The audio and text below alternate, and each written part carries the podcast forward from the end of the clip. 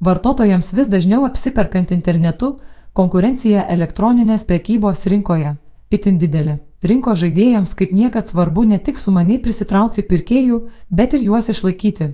Tai padaryti gali padėti ir gera kainodara, kaip tinkamai nustatyti kainas bei nuolaidas, atsako kosmetikos ir maisto papildų parduotuvės Neftruš įkūrėja Karolina Barasnevičiūtė. Svarbu gerai apskaičiuoti savikainą.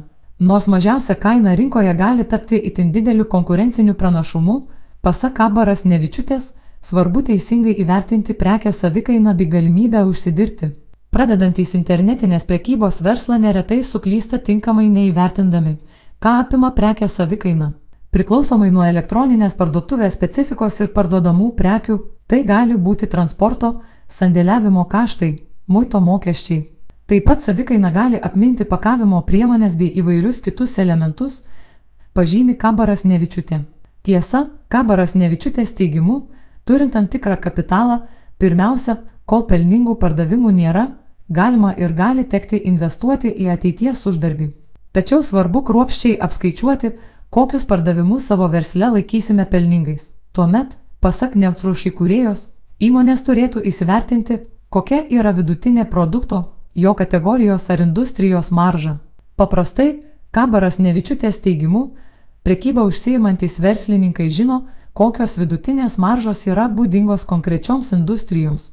Nustatant kainą, reikia apskaičiuoti taip, kad uždirbtum pakankamai, jo galėtum investuoti į rinkodarą ar kitas verslo veikimui ir augimui svarbės rytis.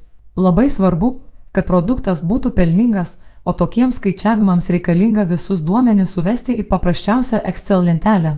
Komentuoja Kabaras Nevičiutė. Be nuolaidų apsėti nepavyks. Anot elektroninės parduotuvės įkūrėjos, šiame versle egzistuojanti didžiulė dinamika ir konkurencija neišvengiamai verčia pardavėjus klientams nuolat teikti įvairius patrauklius pasiūlymus nuolaidas, dovanas bei įvairias kitas papildomas vertes. Manau, kad kiekvienas prekybininkas norėtų išvengti nuolaidų. Yra prekės ženklų, kurie jų neteikia, bet tai priklauso nuo pozicionavimo ir verslo specifikos.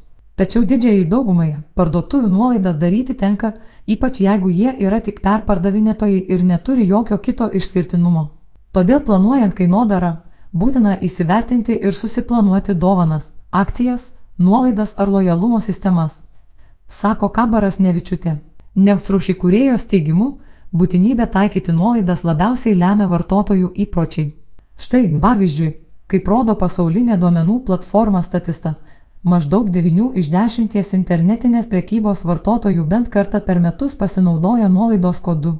Tuo metu Svetbank finansų instituto užsakymų atliktas tyrimas atskleidžia, kad per išpardavimus fizinėse ir parduotuvėse apsiperka maždaug 44 procentai Lietuvos gyventojų. O taisyklių, kaip geriausia nustatyti nuolaidas, pasak Kabaras Nevičiutės, nėra, kiekvienas verslas tai atranda ir išsigrynina eksperimentuodamas. Kaina ir nuolaida sėkmė savaime neužtikrina. Nefruši kurieja pabrėžia, kad net ir esant nuolaidai vartotojai dažniausiai gali rinktis iš keleto prekės ženklų beje parduotuvių. Taigi, siekiant produkto ar parduotuvės sėkmės, būtina iškomunikuoti prekės ženklo kūriamą vertę. Prekės ženklo vertės iškomunikavimas yra kertinis. Atsakymas į klausimą, kokią vertę kuria mūsų verslas ir mūsų parduodami produktai, yra visa ko pamatas. Išsiskirti yra labai daug būdų. Prekių kokybė, kruopščiai atrinktas asortimentas, klientų aptarnavimas ar prekes išmanantys ekspertai. Komentuoja Kabaras Nevičiutė. Atrasti savo išskirtinumus ir vertes nėra sudėtinga, tiesiog tam reikia skirti laiko. Kabaras Nevičiutė teigimu, tam daug dėmesio skiria visi sėkmingiausi prekės ženklai.